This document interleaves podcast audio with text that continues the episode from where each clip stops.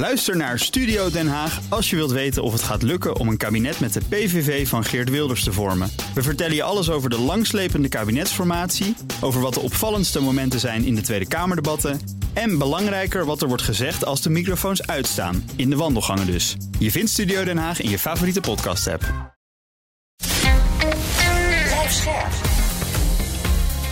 BNR Nieuwsradio. The Big Five.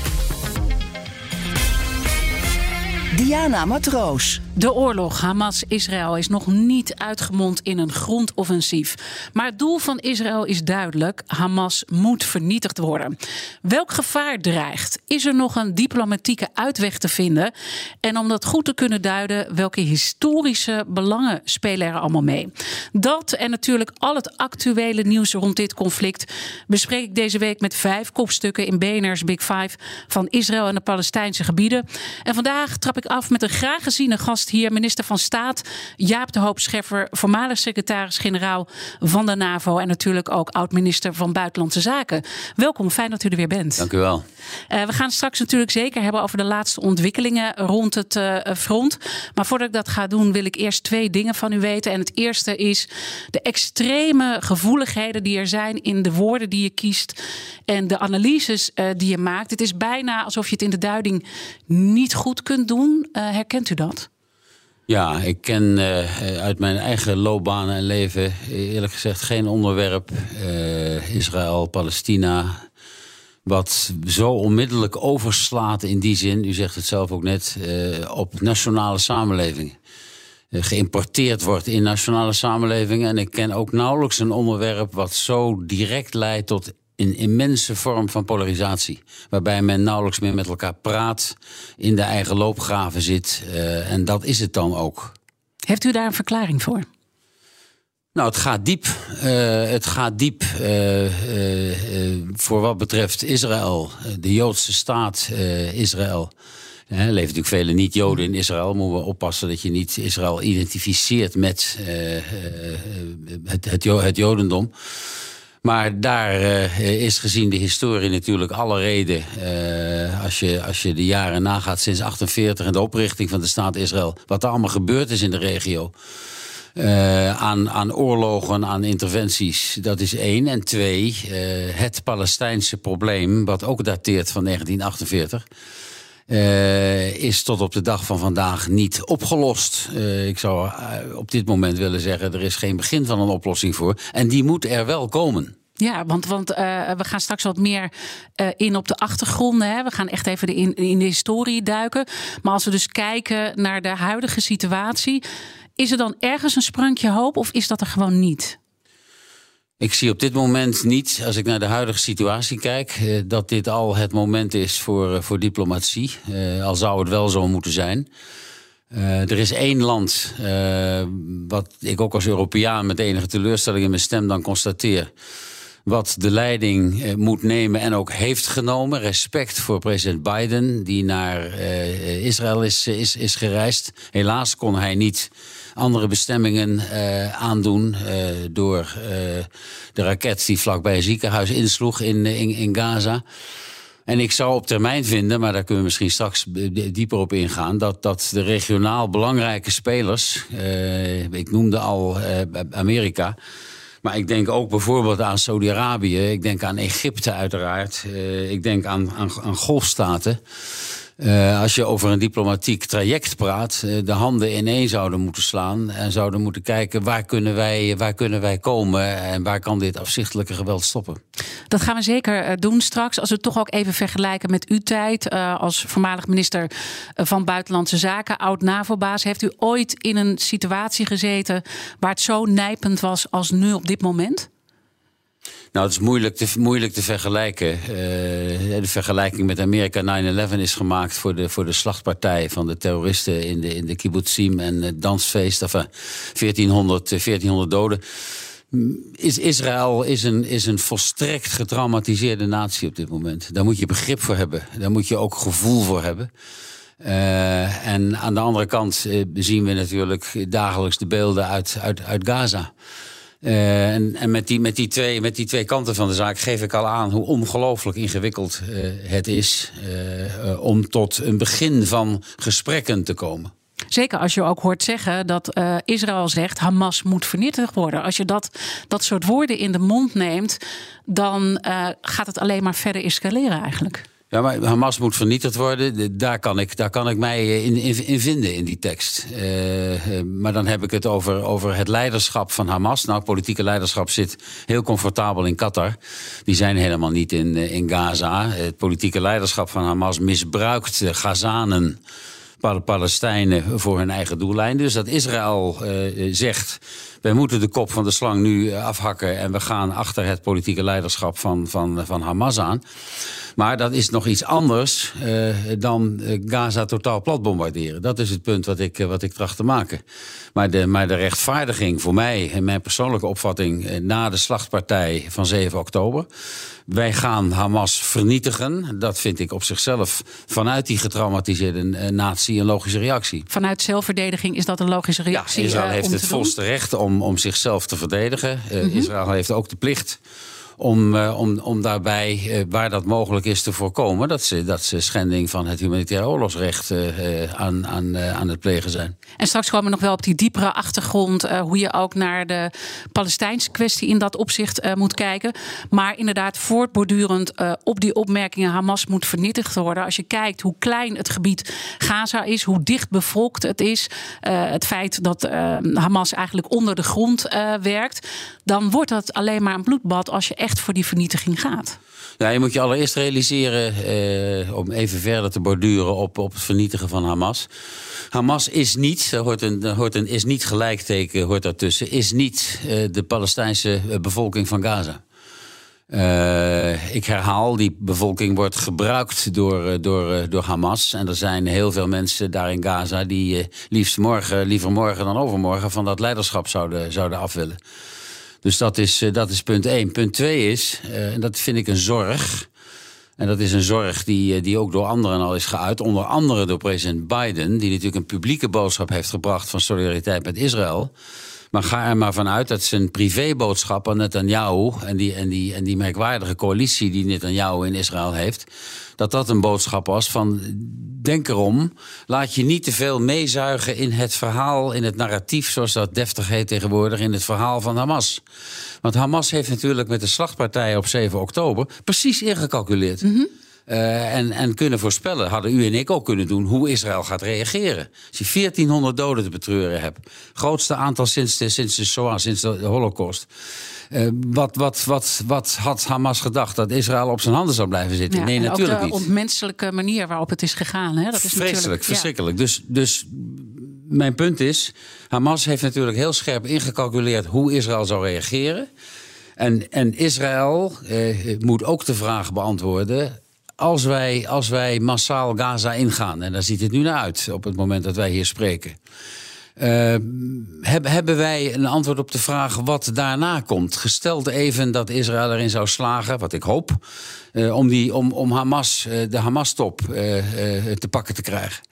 Wat, wat, wat komt er daarna? Wie gaat, wie gaat Gaza besturen? Mm -hmm. die 2,2 miljoen mensen die daar, die daar zitten. Wie, wie, wie, wie gaat dat doen? Dat is een verantwoordelijkheid van de hele regio, zoals ik net zei. Mm -hmm. Is over die vragen voldoende nagedacht? Ik vrees van niet. Is dit ook iets waarvan u verwacht dat uh, onze demissionair premier Rutte, die vandaag, als het goed is, gaat afreizen naar Israël, daarover gaat spreken met Netanyahu? Zonder twijfel. Mm -hmm. uh, je ziet de reactie van het kabinet ook uh, genuanceerder worden, begrijpelijk in de, in, de, in, de, in de loop der tijd. Uh, we moesten allemaal ook, ook, ook, ook hier bijkomen van uh, de slachtpartij op, op, op 7 oktober. Uh, dat Rutte gaat is denk ik een gevolg van het feit dat hij al lang premier is. De mensen goed kent. dat hij, omdat hij er lang zit, gezag heeft opgebouwd bij, bij deze en gene. Kijk, Nederland kan het verschil niet maken. Dat weet Rutte ook wel in dit verschrikkelijke conflict. -hmm. Maar toch is het goed dat hij gaat, gaat praten, wat mij betreft. En ik denk, ik denk dat wat u zegt uh, juist is. Dat ook hij een publieke boodschap heeft. Die moet hij ook blijven uiten, wat mij betreft. Van steun aan en solidariteit met Israël. Maar ook zal zeggen tegen zijn, zijn, vriend, zijn goede bekende Bibi Netanyahu. Uh, volg, nou niet, volg nou niet wat ik net noemde, het Hamas-verhaal. Uh, ga, ja, ga achter Hamas aan, uh, maar zorg dat er nog iets van Gaza overblijft. En van die mensen in Gaza. En, en dit is natuurlijk ook iets waarvan u zegt dat heeft de Amerikaanse president Biden heeft ook onder de aandacht gebracht. Hè. Dat was een heel duidelijke boodschap. Zorg dat je niet in dezelfde val trapt die wij met 9-11 hebben ondergaan. Denkt u dat Netanyahu daar gevoelig uh, voor is? Ik uh, heb daar uh, gereden twijfels over, moet ik u eerlijk zeggen. Ik heb hem zelf ook uh, enkele malen ontmoet in mijn, in mijn NAVO-tijd. NAVO had ook een, een dialoog met de Middellandse Zee, mediterrane dialoog, waar Israël ook deel van uitmaakte. Dus ik vrees hem een beetje kennende, althans volgende, dat dat een moeizame boodschap bij hem zal zijn. De Big Five. Diana Matroos. Mijn gast vandaag is Jaap de Hoop Scheffer, minister van Staat, voormalig minister van Buitenlandse Zaken en oud-NAVO-baas. Um, u vreest ervoor dat hij daar dus niet gevoelig voor zou zijn. We weten al dat er 360.000 reservisten zijn opgeroepen door Israël. Verwacht u een grondoffensief? Je kunt, eh, laat ik beginnen met te zeggen, je kunt, je kunt zoveel reservisten, dat enorme aantal, kun je niet wekenlang uh, in hun tank of panzervoertuig laten zitten. Daar moet je iets mee. Je moet ze of demobiliseren, uh, of je moet inderdaad je offensief starten. En ik heb het idee dat dat offensief ook mondjesmaat nu, nu begonnen is. maar nogmaals, dit zijn zulke enorme aantallen. We hebben het nog niet gehad over het escalatierisico aan de noordgrens van Israël. Uh, waar, het, waar het buitengewoon spannend en, en, en gespannen is. Dus als u mij vraagt, verwacht je een, een breed grondoffensief? Is mijn antwoord ja, ik denk het wel. En dat is eigenlijk een, een verschrikkelijk vooruitzicht. Als je dat uh, bedenkt en met mogelijk een tweede front nog uh, met aanvallen op Hezbollah en een, een tegenreactie daar. Ja, wat voor bloedbad gaan we tegemoet? Ja, dat noorden uh, uh, is, is daarom zo uh, gevaarlijk, omdat we ons wel moeten realiseren. Dat als Hezbollah in het, in het noorden een tweede front zou openen, Israël zal dat niet van, van, van hen uit doen. Want twee frontenoorlog is, is inderdaad natuurlijk nog veel gecompliceerder mm dan op één front. Maar dan breng je ook eh, de bredere regio eh, in discussie. Dan is Iran met name, die natuurlijk Hezbollah financieren en controleren. En dan kom je aan het, aan het bredere palet uh, in het hele Midden-Oosten. Dan wordt het een regionaal conflict. Amerikanen hebben, president Biden heeft, zoals u weet, en de luisteraars weten, twee vliegdekschepen uh, in de, het oostelijk deel van de Middellandse Zee. Uh, die liggen daar, die, die hebben, dat is een, dat is een vrij forse, uh, substantiële militaire macht. Mm -hmm. Er staan geloof ik 90 gevechtsvliegtuigen ja, ja, zelfs wel meer. Ik denk zelfs wel meer. Ik heb in mijn NAVO-tijd een paar keer zo'n vliegtuigschip mogen bezoeken. En daar, daar, dat is een formidabele militaire macht. Die liggen daar ter afschrikking van Iran. Uh, Iran heeft natuurlijk in de, in, de, in de omgeving een grote politieke uh, en ook militaire invloed. Uh, dat heeft Iran in Irak, dat hebben ze in Syrië, dat hebben ze in, in, in Jemen. Dat hebben ze via Hezbollah, politieke partijen, maar ook militaire macht in, in, in Libanon. Dus als dat gebeurt, wil ik maar kortheidshalve zeggen, dan, dan is het risico van een groot regionaal conflict levensgroot. Um u denkt dus dat er wel een, een grondoffensief uh, gestart uh, zal worden. Wat, wat voor uh, bloedbad gaat dat aanrichten, gezien de situatie, het, het, het, het dichtbevolkte gebied daar? Ik, ik, las een uitgebreid interview met, met generaal David Petraeus, de, de, de ja. beroemde Amerikaanse generaal van Irak, Afghanistan, et cetera, in het Financieel Dagblad afgelopen zaterdag. En uh, met zijn enorme ervaring uh, was zijn conclusie. Uh, ik heb eerlijk gezegd nog nooit zo'n ongelooflijk moeilijke opdracht in militaire zin gezien. Waar Israël voor staat om die, dat hele ondergrondse netwerk in te gaan. Om van huizenblok tot huizenblok te, moeten, te moeten vechten als hij dat zegt uh, met zijn brede ervaring, uh, dan, dan uh, wordt dat een buitengewoon bloedig, bloedige operatie aan beide kanten. Zowel aan de Israëlische kant als aan de kant van de Palestijnen. En nu zien we uiteindelijk ook een, een vierdelig uh, conflict eigenlijk ontstaan, een crisis ontstaan. Humanitair is een uh, aspect. We zien ook uh, nou ja, mensen die gegijzeld zijn. die eerste aanval die heeft plaatsgevonden, mogelijk dus dat grondoffensief. wat er aankomt. Wat gaat de impact ook zijn voor de Verenigde Staten in, in dat geval? Als ze die gevechtsvliegtuigen, ja, dan toch als je daarmee dreigt, dan moet je het ook doen uiteindelijk. Verenigde Staten is, is, een, is een supermacht. Uh, uh, en in de Verenigde Staten is de neiging, uh, als ik het even, even voor een moment loskoppel van het directe conflict waar we het mm -hmm. over hebben, is de neiging in, in brede politieke kring moeten wij overal de politieman van de wereld blijven. Irak, Afghanistan, noem, noem, noem maar op. daar hebben we eigenlijk niet zoveel ambitie meer voor. Uh, dat, was, dat was een trend die je toch, en is een trend die je daar toch, uh, daar toch waarneemt. Hè? De Trump America First. Nou, mm -hmm. laten we het nog niet hebben over het scenario dat Trump weer in het Oval Office zou komen. Dat is echt een, een, een vreselijk scenario om over na te denken. Maar mijn, mijn stelling is altijd geweest en, en blijft, omdat de Verenigde Staten uh, supermacht zijn, zullen ze zich nooit, ook al zouden ze dat willen, aan hun verantwoordelijkheden kunnen onttrekken. Dat zie je dus weer in het Midden-Oosten nu. Uh, Biden zou theoretisch wel kunnen zeggen: ja, luister eens, uh, wij zijn als Amerikanen veel minder afhankelijk van, van olie uh, uit die regio dan we waren. Dus die regio is, is, is minder belangrijk dan, dan, dan ze was gedurende decennia lang. Maar je ziet, je ziet toch dat als er, als er een land. in de woorden van Madeleine Albright, de inmiddels overleden voormalige minister van Buitenlandse Zaken. Die, ze, ze zijn nog steeds de indispensable nation. Ja. Dat zijn ze voor ons Europeanen omdat we onszelf niet kunnen verdedigen. Maar dat zijn ze ook weer omdat overal waar, waar gevaar dreigt, en er dreigt nu groot gevaar in het Midden-Oosten, iedereen weer naar de Amerikanen kijkt. En, en, en Biden, en ik zeg dat met groot respect eh, voor deze president, toch weer zijn verantwoordelijkheid moet nemen. Ja, ja. Om de simpele reden al dat er, dat er op dit moment geen anderen zijn. Wie, wie, wie ja. zou dat kunnen doen? Uh, ja, Poetin roert in de pot en, en, en uh, is plotseling vredesduif geworden. Nou, kijk eens naar de loopgravende verschrikkingen in, in Oekraïne. Ontvoerde kinderen, verkrachte vrouwen, duizenden doden. Poetin is plotseling een vredesduif. Totaal, uh, totaal ongeloofwaardig. Maar juist vanwege die, die bredere elementen van dit hele conflict, ik noemde Iran al, al uitgebreid, kunnen de Amerikanen niet op hun handen blijven zitten en, en zeggen: daar hebben wij niks mee te maken. Al was het alleen al omdat de Amerikanen natuurlijk traditioneel de beschermheer mm -hmm. van, en, en, vrouwen van Israël zijn. Uh, terecht, wat ja. mij betreft, volstrekt terecht. Israël moet voor zijn, is voor zijn overleven als staat, als natie, afhankelijk van, uh, van de Amerikanen. En dat zal nooit veranderen, wat mij betreft. En dat is dus een vreselijk uh, dilemma. Daarin zie je ook Biden die probeert te zeggen: doe nou verstandig tegen, nee, tegen Netanyahu. Laat je niet verleiden wat ons is gebeurd met 9-11. Tegelijkertijd ja, is de grote vrees dat hij toch zal doorzetten, ook met een grondoffensief. In hoeverre wordt het oorlogsrecht dan nog gerespecteerd en ook het humanitair recht?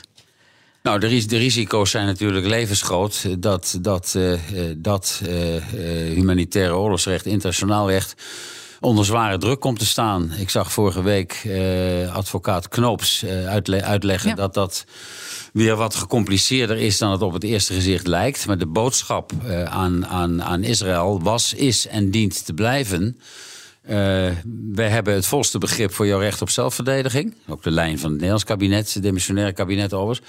Volste recht op zelfverdediging. Maar je bent wel gehouden als Israël, als, als, als democratie, als staat.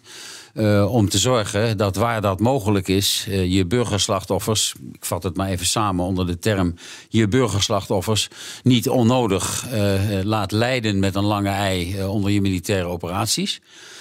Uh, daar komt bij, wat mij betreft, dat ik het afsluiten van elektriciteit en, uh, en, en, water en, en, en, voedsel. Ja, er komen nu mondjesmaat wat vrachtwagens ja, uit Egypte en Gaza binnen. Ik vind dat dat, dat, dat, dat, dat een, een, een, een maatregel is die op zeer gespannen voet staat. En daardoor zie je ook eigenlijk dat ook het beeld vanuit het Westen toch iets begint te kantelen. We benoemden die voorzichtigheid die je moet hebben uh, in de analyse. Maar ik denk dat we wel kunnen waarnemen dat uh, ja, die kanteling wel, wel degelijk ter sprake komt. En ook steeds meer ook naar de Palestijnse situatie wordt gekeken. Nou, een, een, mens, een mensenleven is een mensenleven. Moet, hier, kan hier het enige antwoord zijn. En in, in oorlog uh, komen veel mensen om. Uh, ik, ik, probeer mijn studenten op de universiteit Leiden ook altijd uit te leggen. Uh, als, als je mij uitnodigt, dan, dan nodig je wel iemand uit om, om een college te geven die de wereld beschrijft zoals hij is. Zoals ik hem zelf heb ervaren in mijn loopbaan. En niet zoals hij zou moeten zijn. Maar je mag niet vergeten, nooit vergeten, dat die wereld zoals ze zou moeten zijn. Uh, leidraad, leidraad van politiek handelen moet zijn. Alleen in een oorlogssituatie, dan ben ik weer terug bij, bij, bij, bij Gaza. Is dat natuurlijk een principe wat niet zo vreselijk makkelijk is overeind te houden. En ik druk me nu heel mild uit. Er gaan heel veel burgerslachtoffers vallen in, in Gaza. En er vallen al heel veel burgerslachtoffers. Maar zeker als er een grondoffensief, grondoffensief komt. Zeker. Ja. Maar denk dan even aan de, de, de, de staat Israël met, met, hun, met hun trauma en de 1400. Maar ik ben het met u eens. Uh, ik, ik zal ook nooit een stem zijn in dit conflict. wat die aanleiding geeft tot verdere polarisering. Want we hadden het al over het importeren van deze, deze vreselijke toestand in onze nationale samenlevingen. En, en, uh, nou ja, en het, we hebben brieven van ambtenaren gezien. Er blijkt wel uit dat het, dat het enorm, enorm leeft. Uh, maar ik zal nooit een stem zijn die op dit terrein bijdraagt aan verdere, aan verdere polarisatie. Want we, dat hebben we al genoeg. Ja, dus daar moeten we echt voorzichtig mee zijn. Ook dat het niet overslaat heel erg naar ons eigen land. Hè? Dat hier de onrust toeneemt. Dat valt nog enigszins mee, zou ik willen zeggen. Ja, ja je ziet, je ziet demonstraties. Ik maak mij wel. Maak mij wel zorgen als ik dan lees in de krant dat, dat uh, na een demonstratie pro-Israël op de Dam uh, mensen worden aangeraden hun Israëlische vlag toch maar even in hun tas te stoppen. Omdat dat te provocatief zou zijn. Kijk, dat, dat, daar zeg ik dan van, dan, dan, dan glijden we te ver af. Mm. Uh, aan de andere kant, uh, uh, ik heb niet, geen oproepen te doen op mijn leeftijd en in de fase van mijn, van mijn leven. Maar vind ik wel dat je, dat je laten we zeggen, in en buiten de media moet oproepen tot, tot matiging en met elkaar in gesprek moet blijven. Mijn gast vandaag is Jaap de Hoop Scheffer, minister van Staat en voormalig minister van Buitenlandse Zaken, oud NAVO-baas. En zometeen uh, praten we verder en dan gaan we wat meer de diepe geschiedenis uh, bespreken rond dit conflict en ook alle vredesbesprekingen die al zijn geweest en of we toch nog ergens een beetje hoop kunnen putten daaruit. Blijf scherp. BNR Nieuwsradio. The Big Five. Diana Matroos. Mijn gast vandaag is Jaap de Hoop Scheffer, minister van Staat, voormalig minister van Buitenlandse Zaken en oud NAVO-baas. Um, u vreest ervoor dat hij daar dus niet gevoelig voor zou zijn. We weten al dat er uh, 360.000 reservisten zijn opgeroepen door Israël. Verwacht u een grondoffensief? Je kunt, eh, laat ik be beginnen met te zeggen, je kunt, je kunt zoveel reservisten, dat enorme aantal, kun je niet wekenlang uh, in hun tank of panzervoertuig laten zitten. Daar moet je iets mee. Je moet ze of demobiliseren, uh, of je moet inderdaad je offensief starten. En ik heb het idee dat dat offensief ook mondjesmaat nu, nu begonnen is. maar nogmaals, dit zijn zulke enorme aantallen. We hebben het nog niet gehad over het escalatierisico aan de noordgrens van Israël. Uh, waar, het, waar het buitengewoon spannend en, en, en gespannen is. Dus als u mij vraagt, verwacht je een, een breed grondoffensief? Is mijn antwoord ja, ik denk het wel. En dat is eigenlijk een, een verschrikkelijk vooruitzicht. Als je dat uh, bedenkt en met mogelijk een tweede front nog... Uh, met aanvallen op Hezbollah en een, een tegenreactie daar. Ja, wat voor bloedbad gaan we tegemoet? Nou, dat noorden uh, uh, is, is daarom zo gevaarlijk, omdat we ons wel moeten realiseren. Uh, dat als uh, Hezbollah in het, in het noorden uh, een tweede front zou openen, Israël zal dat niet van, van, van hen uit doen. Want de twee frontenoorlog is, is inderdaad natuurlijk nog veel gecompliceerder mm -hmm. dan op één front. Maar dan breng je ook de bredere regio in discussie. Dan is Iran met name, die natuurlijk Hezbollah financieren en controleren. En dan kom je aan het, aan het bredere palet uh, in het hele Midden-Oosten. Dan wordt het een regionaal conflict. Amerikanen hebben, president Biden heeft, zoals u weet, en de luisteraars weten, twee vliegdekschepen uh, in de, het oostelijk deel van de Middellandse Zee. Uh, die liggen daar, die, die hebben, dat is een, dat is een vrij forse, uh, substantiële militaire macht. Mm -hmm. Er staan geloof ik 90 gevechtsvliegtuigen ja, op. Ja, zelfs wel meer. Ik denk zelfs wel meer. Ik heb in mijn NAVO-tijd een paar keer zo'n vliegtuigschip mogen bezoeken. En daar, daar, dat is een formidabele militaire macht. Die liggen daar ter afschrikking van Iran. Uh, Iran heeft natuurlijk in de, in, de, in de omgeving een grote politieke uh, en ook militaire invloed. Uh, dat heeft Iran in Irak, dat hebben ze in Syrië, dat hebben ze in, in, in Jemen. Dat hebben ze via Hezbollah, politieke partijen, maar ook militaire macht in, in, in Libanon. Dus als dat gebeurt, wil ik maar kortheidshalve zeggen, dan, dan is het risico van een groot regionaal conflict levensgroot. Um u denkt dus dat er wel een, een grondoffensief uh, gestart uh, zal worden. Wat, wat voor uh, bloedbad gaat dat aanrichten, gezien de situatie, het, het, het, het dichtbevolkte gebied daar? Ik, ik, las een uitgebreid interview met, met generaal David Petraeus, de, de, de ja. beroemde Amerikaanse generaal van Irak, Afghanistan, et cetera, in het Financieel Dagblad afgelopen zaterdag. En uh, met zijn enorme ervaring uh, was zijn conclusie. Uh, ik heb eerlijk gezegd nog nooit zo'n ongelooflijk moeilijke opdracht in militaire zin gezien. Waar Israël voor staat om die, dat hele ondergrondse netwerk in te gaan. Om van huizenblok tot huizenblok te, moeten, te moeten vechten als hij dat zegt uh, met zijn brede ervaring, uh, dan, dan uh, wordt dat een buitengewoon bloedig, bloedige operatie aan beide kanten. Zowel aan de Israëlische kant als aan de kant van de Palestijnen. En nu zien we uiteindelijk ook een, een vierdelig uh, conflict eigenlijk ontstaan, een crisis ontstaan. Humanitair is een uh, aspect. We zien ook uh, nou ja, mensen die gegijzeld zijn. die eerste aanval die heeft plaatsgevonden, mogelijk dus dat grondoffensief. wat er aankomt. Wat gaat de impact ook zijn voor de Verenigde Staten in, in dat geval? Als ze die gevechtsvliegtuigen, ja, dan toch als je daarmee dreigt, dan moet je het ook doen uiteindelijk. Verenigde Staten is, is, een, is een supermacht. Uh, uh, en in de Verenigde Staten is de neiging, uh, als ik het even, even voor een moment loskoppel van het directe conflict waar we het mm -hmm. over hebben, is de neiging in, in brede politieke kring moeten wij overal de politieman van de wereld blijven. Irak, Afghanistan, noem, noem, noem maar op. daar hebben we eigenlijk niet zoveel ambitie meer voor. Uh, dat, was, dat was een trend die je toch, en is een trend die je daar toch, uh, daar toch waarneemt. Hè? Trump America First. Nou, mm -hmm. laten we het nog niet hebben over het scenario dat Trump weer in het Oval Office zou komen. Dat is echt een, een, een vreselijk scenario om over na te denken. Maar mijn, mijn stelling is altijd geweest en, en blijft, omdat de Verenigde Staten uh, supermacht zijn, zullen ze zich nooit, ook al zouden ze dat willen, aan hun verantwoordelijkheden kunnen onttrekken. Dat zie je dus weer in het Midden-Oosten nu. Uh, Biden zou theoretisch wel kunnen zeggen: ja, luister eens, uh, wij zijn als Amerikanen veel minder afhankelijk van, van olie uh, uit die regio dan we waren. Dus die regio is, is, is minder belangrijk dan, dan, dan ze was gedurende decennia lang. Maar je ziet, je ziet toch dat als er, als er een land. In de woorden van Madeleine Albright, de inmiddels overleden voormalige minister van Buitenlandse Zaken. Die, ze, ze zijn nog steeds de indispensable nation. Ja. Dat zijn ze voor ons Europeanen omdat we onszelf niet kunnen verdedigen. Maar dat zijn ze ook weer omdat overal waar, waar gevaar dreigt, en dat dreigt nu groot gevaar in het Midden-Oosten.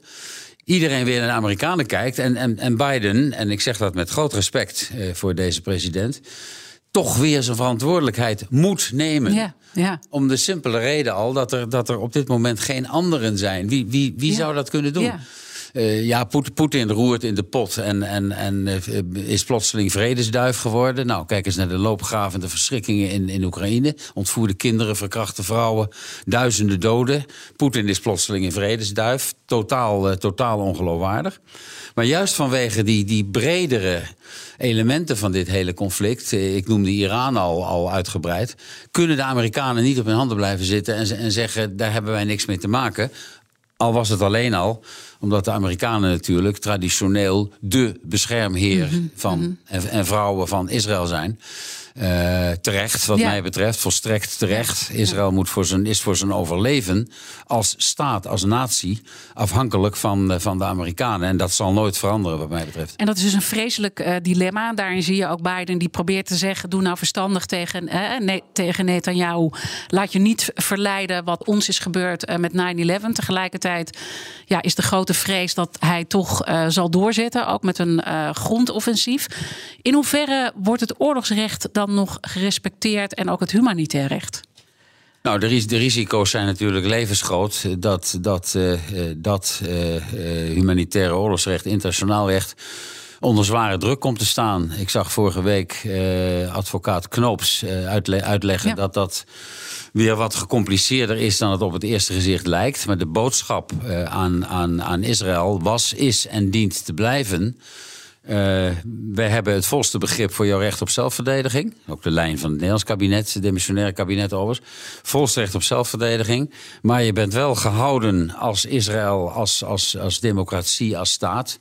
eh, om te zorgen dat waar dat mogelijk is, eh, je burgerslachtoffers, ik vat het maar even samen onder de term, je burgerslachtoffers niet onnodig laat lijden met een lange ei onder je militaire operaties. Eh, daar komt bij, wat mij betreft, dat ik het afsluiten van elektriciteit en, eh, en, en, water en, en, en, voe- en voedsel. Ja, er komen nu eh, mondjesmaat wat vrachtwagens Ja, uit te Egypte en Gaza binnen. Ik vind dat dat, dat, dat, dat, dat een, een, een, een maatregel is die op zeer gespannen voet staat. En daardoor zie je ook eigenlijk dat ook het beeld vanuit het Westen toch iets begint te kantelen. hè. We benoemden die voorzichtigheid die je moet hebben eh, in de analyse. Maar ik denk dat we wel kunnen waarnemen dat eh, ja, die kanteling wel, wel degelijk ter sprake komt. En ook steeds meer ook naar de Palestijnse situatie wordt gekeken. Nou, een, mens, een mensenleven is een mensenleven.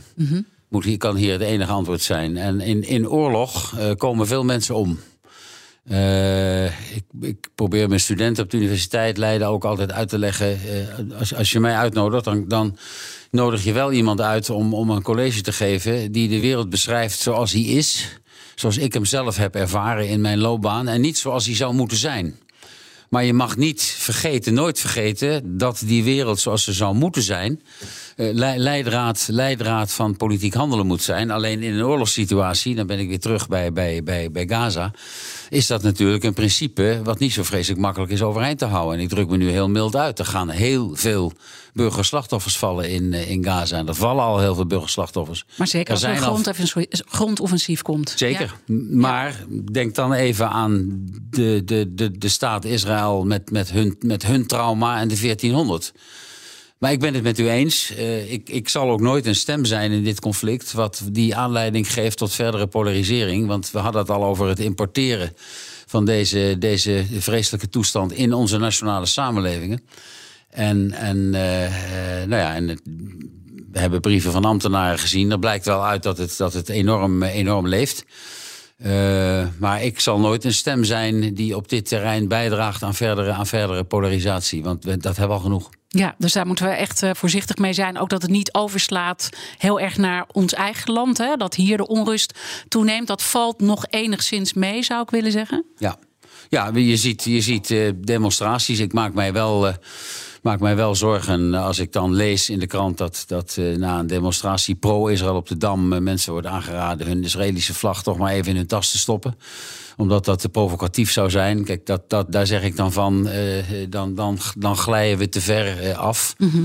Eh, aan de andere kant, eh, eh, ik heb niet, geen oproepen te doen op mijn leeftijd en in de fase van mijn, van mijn leven. Maar vind ik wel dat je, dat je laten we zeggen, in en buiten de media moet oproepen tot, tot matiging en met elkaar in gesprek moet blijven. BNR Nieuwsradio. The Big Five. Diana Matroos. Je luistert naar BNR's Big Five van Israël en de Palestijnse gebieden. Mijn gast vandaag is Jaap de Hoop Scheffer, voormalig secretaris-generaal van de NAVO en voormalig minister van Buitenlandse Zaken. Uh, onze gasten stellen elkaar vragen via de kettingvraag. En uh, vorige week was hier Robert Serri te gast, voormalig VN-gezant in het Midden-Oosten. Hij was de gast bij mijn collega Art Royakkers. Art maakte een week over de geopolitieke verschuivingen. En Robert Serri had deze vraag voor u. Luister maar. Ik zou je graag een vraag willen stellen over de levensvatbaarheid van een twee-staten-oplossing. Je hebt als minister van Buitenlandse Zaken ook steeds gezegd dat Nederland een twee-staten-oplossing uh, steunt. Dat hebben je opvolgers ook gedaan, maar intussen weten we ook dat in die tijd het aantal eh, settlers, kolonisten in die, in die Palestijnse staat is vermenigvuldigd, zelfs nu meer dan een half miljoen.